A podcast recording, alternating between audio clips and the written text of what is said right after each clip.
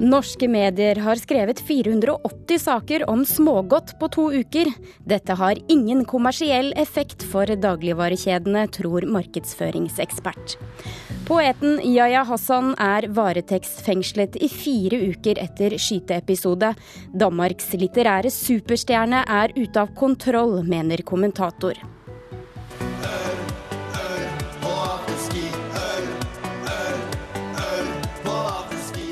Afterski har vokst seg ut av skistua og inn i popkulturen. Dette er Kulturnytt, mitt navn er Stine Tråholt. Mediedekningen av priskrigen på smågodt før påske har vært enorm. Ifølge en opptelling Kulturnytt har gjort, er det i de to siste ukene publisert 480 saker om smågodt i norske aviser og nettaviser. Men effekten for dagligvarekjedene er minimal, tror markedsføringsekspert. Nå skal lagene få hvert sitt påskeegg. Fredagsshowet Nytt på Nytt har snakka om det. Det koster 2,90 for hekto med god påskeegg. Vi har sett saka i Dagsrevyen. Priskrigen på smågodt er farlig. Vi har hørt misnøye. Sjokoladen er jo vekke. Det var ikke så mye igjen her. Her var det tomt. Og vi har hørt glede. Det er billig, helt sykt. Det er gøy med priskrig. I tillegg til TV- og radiodekninga har norske aviser og nettaviser skrevet 480 saker om smågodt på to uker. Til sammenligning var det kun sju saker som inneholdt ordet smågodt før påska i fjor. All oppmerksomheten har ført til et enormt salg av smågodt, meldt Nyhetslunsj på P2 i går. Bunnpris og Coop har solgt 430 tonn smågodt på to uker. Medieomtale er vanligvis svært ettertrakta som effektiv og troverdig markedsføring, men i dette tilfellet har de 480 presseoppslagene ingen effekt, mener Trond Blindheim, rektor ved Høgskolen Kristiania. Alle har nå fått vite at det er sjokolade å få til 29 kroner kiloen i alle butikker, så å si. Markedsføringseksperten tror ingen av billigkjedene tjener på den siste priskrigen. Altså, det er et lokketilbud, en såkalt ned, sterkt nedsatt pris, for å lokke til seg publikum som handler stort til påsken. Og Det er jo det butikkene skal tjene på. Og så har alle har kommet på den samme tanken om at vi setter ned prisen på et relevant lokkemiddel, altså sjokolade, påske, akkurat som det er ribbe til jul. Og, og dermed så, så, har det ikke effekt. Det er ganske dysfunksjonelt. Altså at eh, det blir ikke en annen fordeling av publikum på kjedebutikkene nå enn, eh, altså, enn det har vært tidligere. For så vidt enig med Trond Blinde, men eh, for vår del så er jo synlighet utrolig viktig. Det sier Bjørn Takle Friis, kommunikasjonsdirektør i Coop Norge. Han innrømmer at ekstrabutikkene nå taper store summer på smågodtsalget, men den ferske kjeden er med på priskrigen for å etablere seg som konkurrent til billigkjeder som Rema 1000 og Kiwi. Det koster penger, men for oss er det, er det viktig å være på, på folks radar når det gjelder lavpris. Selv om det av og til er er litt moralsk tungt når det gjelder usunne varer. Det er ikke godt av å drive sånn i lengden, og, og kjøpmennene våre er jo ikke glad for denne priskrigen. Det koster jo. Har du handla noe smågodt sjøl før påske? Nei, jeg har ikke gjort det, men jeg tenkte jeg kanskje skulle gjøre det i dag. Men jeg, hvis jeg skal ha det smågodt, så gjør jeg nok det hos konkurrentene, sånn at ikke vi ikke taper penger. Men De bør ta en tenkepause og prøve å bli mer kreative. Kanskje det at en eller annen kjede kunne liksom markedsføre seg mer på et helsekonsept, og ikke et sånt billig konsept eller sjokoladekonsept og, og mer sånn usunne ting, da. Torkil Torsvik hadde laget denne saken. Fem børn på rekke og en far med en kølle. Flere graderi og en pøl av piss. Vi stikker skiftevis en hånd frem. Ja, dette er den danske poeten Yahya Hassan som leser fra sitt dikt 'Barndom'. I går ble han varetektsfengslet i fire uker, siktet for grov vold og ulovlig våpenbesittelse. Hassan skal ha vært involvert i en skyteepisode søndag der en 17-åring ble skutt i foten, men erklærte seg ikke skyldig i byretten i Århus. Og siden debuten for to og et halvt år siden, der han som annengenerasjons innvandrer tok et hardt oppgjør med sin egen foreldregenerasjon, er 20-åringen blitt en av dansk litteraturs mest omtalte stemmer. Kommentator Nils Frid Nilsen i DR Kultur, eh, hvilke reaksjoner har kommet på denne saken i Danmark? Øh, det litterære miljøet er i bestyrtet. Vi er fulle af bekymring i hele kulturmiljøet. Hele samfundet snakker om Jaja Hassan her til morgen. Øh, der er en udbredt frygt for, at han er ude af kontrol. Han ikke har styr på sine, sit udtryk. Han er, hvis man studerer hans Facebook-side, kan man se, at han er meget voldsfixeret. Han er måske endda også paranoid. Han føler sig forfulgt. Han føler, han er i bandekrig mod to navngivende øh, indvandrerbander. Han truer dem. Hvis de slår ham ihjel, så vil han også slå dem ihjel. Han poserer med håndvåben øh, og med flits og bue. Så, så der er en meget ukontrollabel situation, som bekymrer alle. Drengen, der startet som et vidunderbarn, debuterte for to år siden med diktsamlingen hvor han gjorde opp med, sitt, med sin egen baggrund, øh, altså med med, med gammeldags kønsroller i, i innvandrermiljøet. Den dreng er nu øh, en øh, meget, meget, øh, hvad skal man sige, både stof- og voldspræget øh, øh, ung fyr, som er ude af kontrol, og, og, og her til morgen er han altså blevet varetægtsfængslet øh, i fire uger øh, øh og, skal, til, og, skal, og sigtes øh, for, for grov vold, øh, der kan give ham op til seks års fængsel. Så det er en helt ukontrolleret situation. Hans forlag har ikke nogen kommentar øh, til, hvad der sker. De glæder sig bare til det næste manuskript fra ham. Helt kort, hva er bakgrunnen for denne skyteepisoden? Baggrunden er, at han i sitt miljø i ghettoen i, i Danmarks næststørste by, Aarhus, øh, oplever, at han er i krig med to innvandrerbander, øh, Loyal to Family øh, og Black Arms kalder de seg. Øh, den 17-årige dreng, øh, han skød øh, søndag aften, natten til mandag, ved vi ikke noe om. Øh, han sier selv, det er en del av, af krigen, men om han efterhånden er så omtoget af narko og så videre, og, og, og almindelig paranoia, at han har skudt i blinde, det ved vi ikke. Der florerer en video, som er blevet vist på dansk tv, øh, optaget af de unge, han skød mod, hvor han står og siger, perker, jeg skyder dig. Øh, meget, meget, voldsomt, men også øh, ud af kontrol. Ingen ved rigtigt, hvad der er sandt, og det er jo selvfølgelig også derfor, alle taler om Jaja Hassan, øh, at han ved sine fulde fem øh, lever forlaget op til sit ansvar ved bare at, at, at, at vente på hans næste manuskript, ikke ikke have forberedt ham på den verden han liksom har kommet inn i som litterær stjerne. Ja, fordi eh, etter at boka hans kom ut for to og et halvt år siden, den ble solgt i 100 000 eksemplarer, så har det vært mange saker og eh, mye dramatikk rundt denne poeten.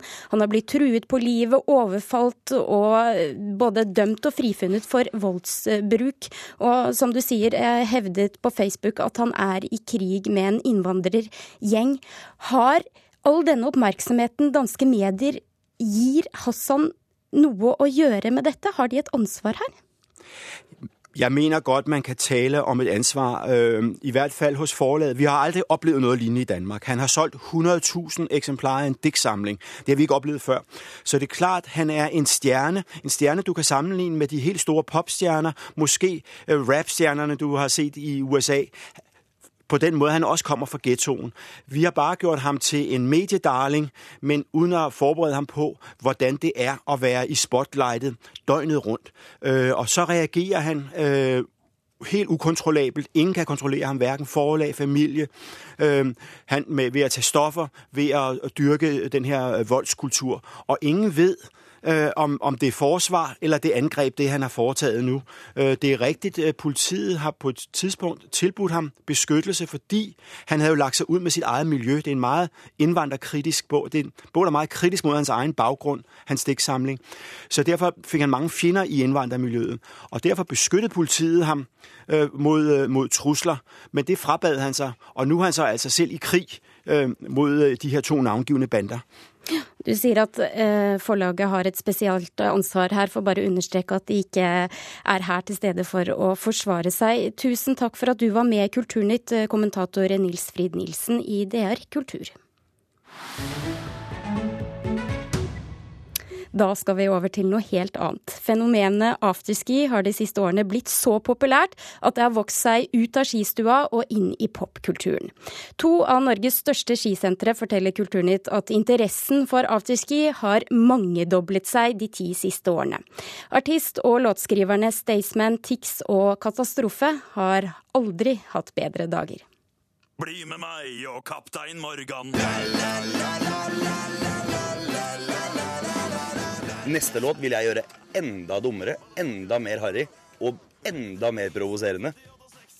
Det folk liker med den sjangeren her, er at det er eh, høylytt. Man kan spille det høyt, og man kan rope ut teksten. Og teksten er så enkel og dum at alle klarer å synge med. Så har du hørt den sangen én gang, så kan du den sangen. Eller så har du helt sjukt dårlig hukommelse. Syng her er alle mann, ta med deg blandevann og drikk deg til møkkamann. Nordmenn elsker afterski. Vi elsker afterski så mye at det har fått sitt eget landslag, der Staysman, Tix og Katastrofe er stjernespillerne. Da afterskilandslaget skulle holde konsert tidligere denne måneden, var det bare ett sted det var nok plass. Oslo Spektrum. Musikken skal fenge deg. Det skal gi deg lyst til å feste og danse. Det skal være enkelt å høre på, og det skal på en måte det være lett å nyte. Sier artist Stian Staysman Torbjørnsen. Afterski er ikke bare noe man gjør etter en dag i bakken lenger. Det er blitt en musikksjanger. En livsstil, i hvert fall for en dag. Men har de merka denne økningen i popularitet på fjellet? Ja, den har vært helt voldsom. Altså. Det, for ti år siden så uh, var en kjempegod afterski. Det er bare normalen i dag. Så, så uh, du kan gange det både mot to og tre ganger, uh, sånn som utviklingen har vært. Og den bare øker hele tida. Sier Geir Kålstrøm, ansvarlig for afterski på Hafjell. Også i Hemsedal har de merket det økende trykket. Derfor gjør Kalle Johansen seg klar til tidenes afterskifest. Der har du et lyd- og lysanlegg som er helt på nivå med ja, i hvert fall ikke de største klubbene. Så, så vi, ser vi i hvert fall mot Pacha Las Vegas. Det vil da si CO2, pyroeffekter, showdansere, eh, tung røyk, lasere og et gedigent stereoanlegg. Eh, for å gi en litt mer større klubbopplevelse enn det som kanskje var forbundet med det som var på en afterski på 80-tallet med en trubadur som synger Mustang Sally. Så har vi trukket det et godt stykke lenger enn det. Musikkekspert Ali Sofi sitter i P3s fargerike lokaler og klør seg i hodet. For hva skal egentlig en ekspert si om denne musikken? Vi har vel egentlig gått fra det at vi ler av uh, disse afterski-artistene og gjerne musikken de lager, til å faktisk sitte og klø oss litt i hodet på hvorfor, hvordan de har klart å uh, tjene så mye penger. Afterski betyr store penger i 2016. Høyfjellsdestinasjoner som Hafjell er fullstendig avhengig av å tilby konkurransedyktig afterski. For Hafjell er det veldig viktig, for det er jo selve oljen i maskineriet. Du skaper en god omsetning, og du skaper gode minner.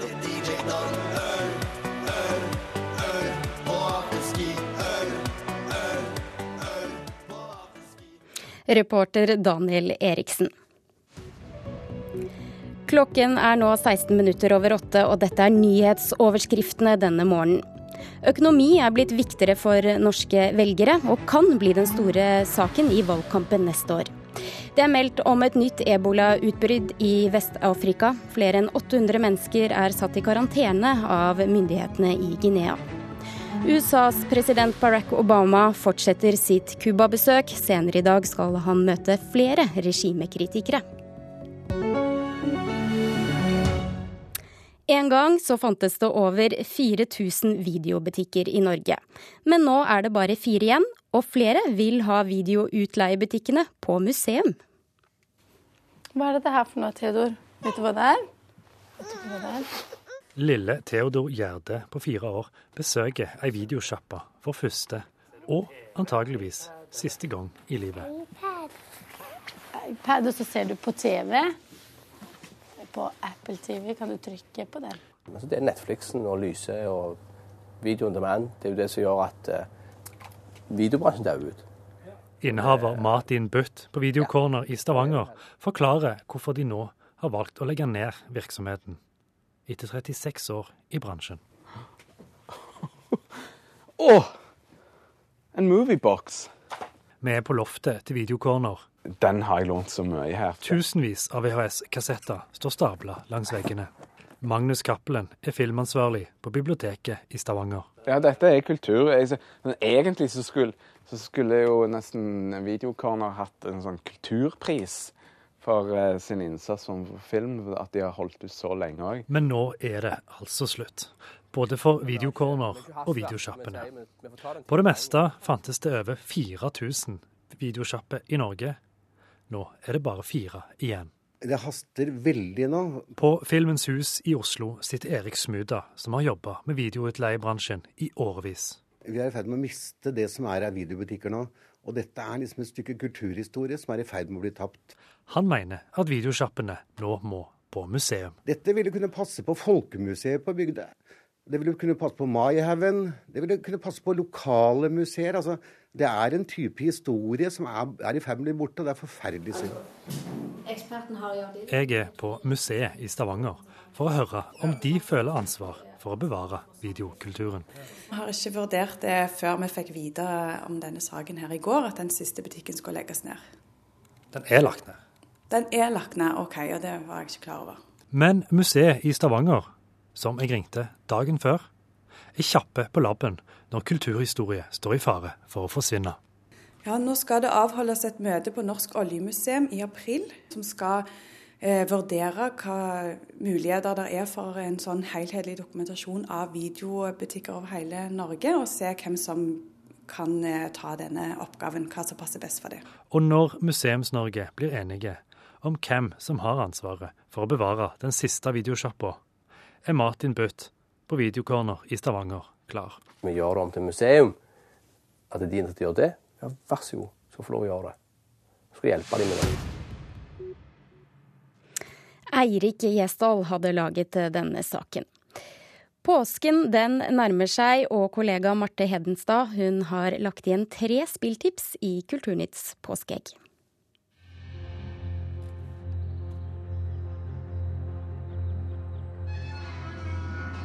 Hva er det her, Marte? Det var en port som knirket eh, opp, eh, for vi hører nemlig lyd eh, fra den, det svenske spillet Unravel, som kom til PlayStation 4, Xbox One og PC i februar. Og det her er en perle av et eh, spill. Eh, du spiller en sånn lite, et lite garnnøste som heter Jarni, eh, som på en måte må bruke sin egen kropp til å forsere ulike hindringer gjennom spillbrett. Ehm, og på en måte det er litt sånn hjernenøtter da, i hvordan du på en måte skal tvinne trådene for å komme deg forbi. Ehm, og grunnen til at jeg syns at det spillet her passer så godt i påska, det er fordi at du beveger deg gjennom et spillandskap som er utrolig vakkert, og som består av nordisk natur. Eh, og natur, det er jo noe vi eh, er vant til å, å bevege oss i i påska. Og Jarni, han, eh, gjennom dette spillandskapet så finner han barndomsminner. Barndomsminnet til en gammel dame som han plukker opp og putter inn i et fotoalbum.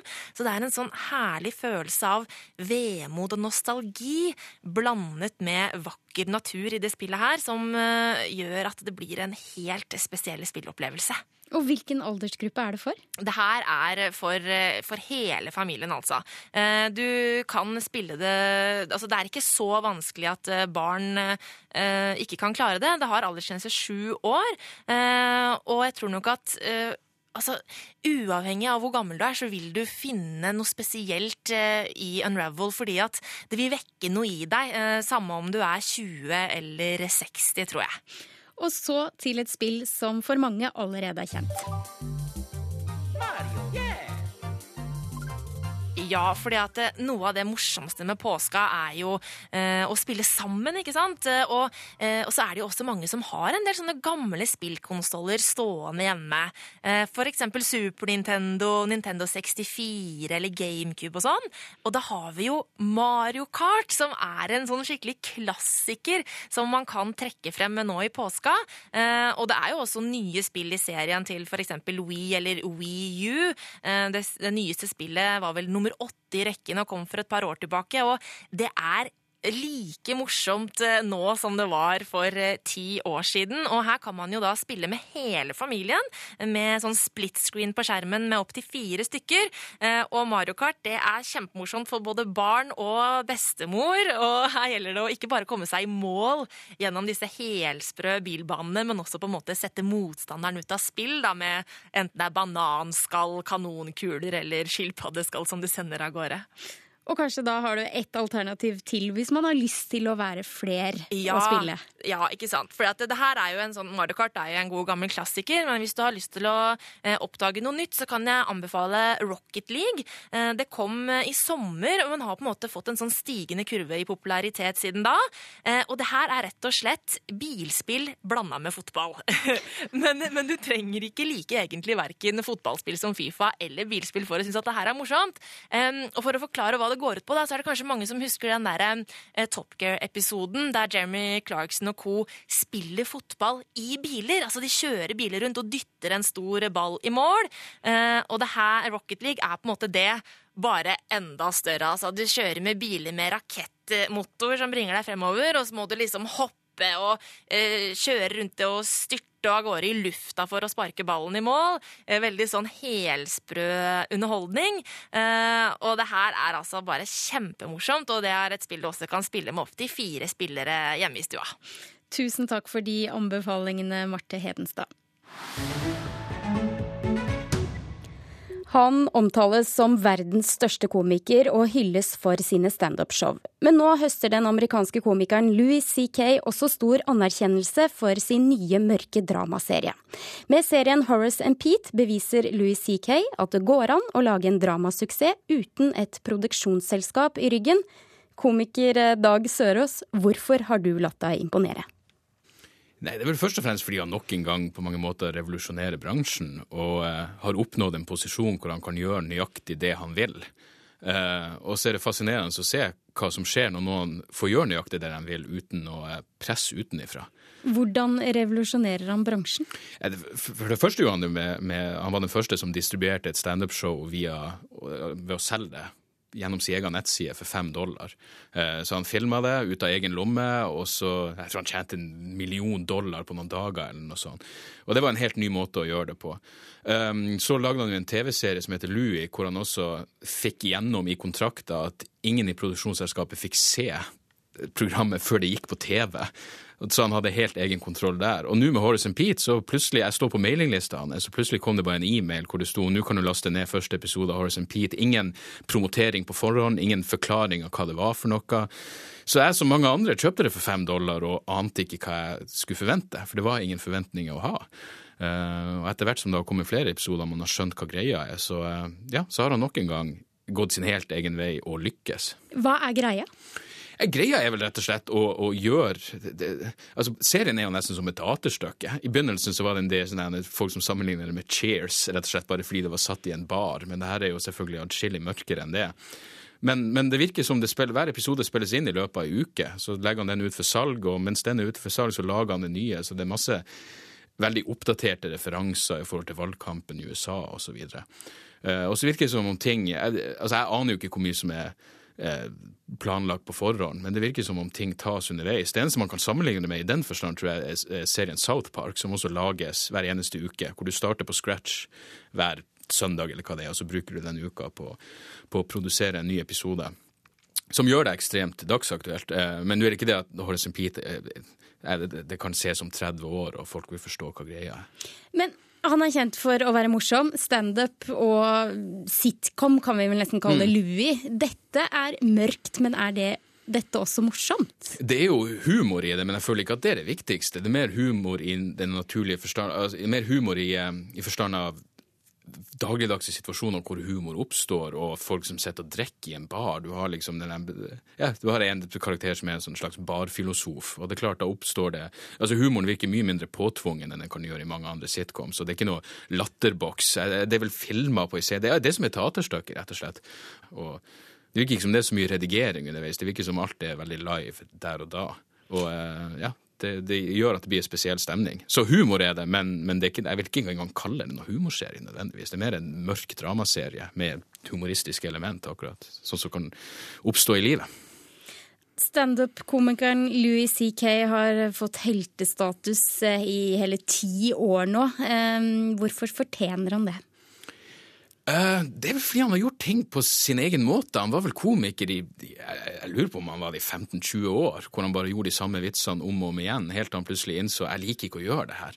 Så han bestemte seg for jeg skal skrive et nytt show hvert eneste år, uh, og ble mye mer personlig. Gjennombruddet hans var vel da han begynte å snakke om sine egne unger og det å være far på en ærlig måte, hvor han liksom, ja, på en brutalt ærlig måte sa at det ikke er så morsomt å være far bestandig, og ungene mine er kjipe til tider.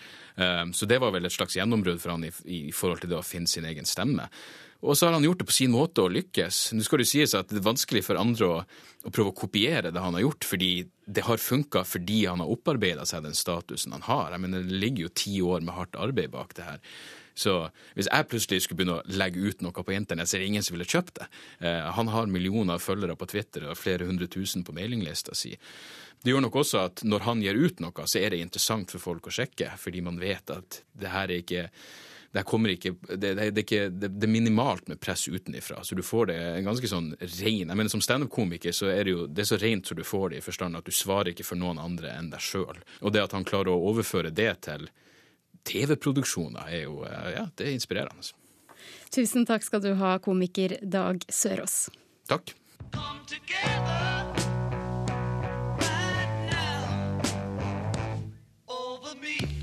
Dette er en av låtene The Beatles-sanger sir Paul McCartney nå vil ha opphavsretten til. McCartney har aldri hatt rettighetene til musikken han var med på å skrive. Det er det nemlig plateselskapet Sony som har. I USA sier derimot loven at tekstforfattere kan kreve tilbake rettighetene etter 56 år, og for mye av Beatles-katalogen vil det si i 2018. FBI sier at de kan ha funnet en måte å få løst opp i iPhonen til angriperen som i desember eh, drepte 14 mennesker i California. iPhone-produsenten Apple, som nekter for å åpne telefonen for myndighetene, skulle ha vært et eh, rettsmøte om saken i dag, men det har blitt utsatt av det amerikanske justisdepartementet. Produsent for denne sendingen, Lisa Stokke. Vi høres igjen i morgen.